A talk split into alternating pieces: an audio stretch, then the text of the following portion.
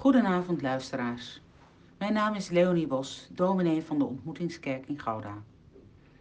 Ter bemoediging lees ik u elke avond de dagtekst van Terzee en een kort gebed. De Heer zegt, ik sluit met mijn volk een vredesverbond. Een verbond dat eeuwig zal duren. Mijn heiligdom zal voor altijd in hun midden staan.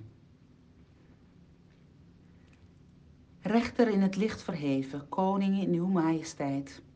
Louter ons geringe leven, scheld ons onze schulden kwijt. Laat uw vleugelen ons omgeven, troost ons met uw tederheid. Hoor de bittere gebeden om de vrede die niet daagt. Zie hoe dieper wordt geleden, hoe het kwaad de ziel belaagt. Zie uw mensheid hier beneden, wat zij lijdt en duldt en draagt. Houd wat gij hebt ondernomen, klief het duister met uw zwaard.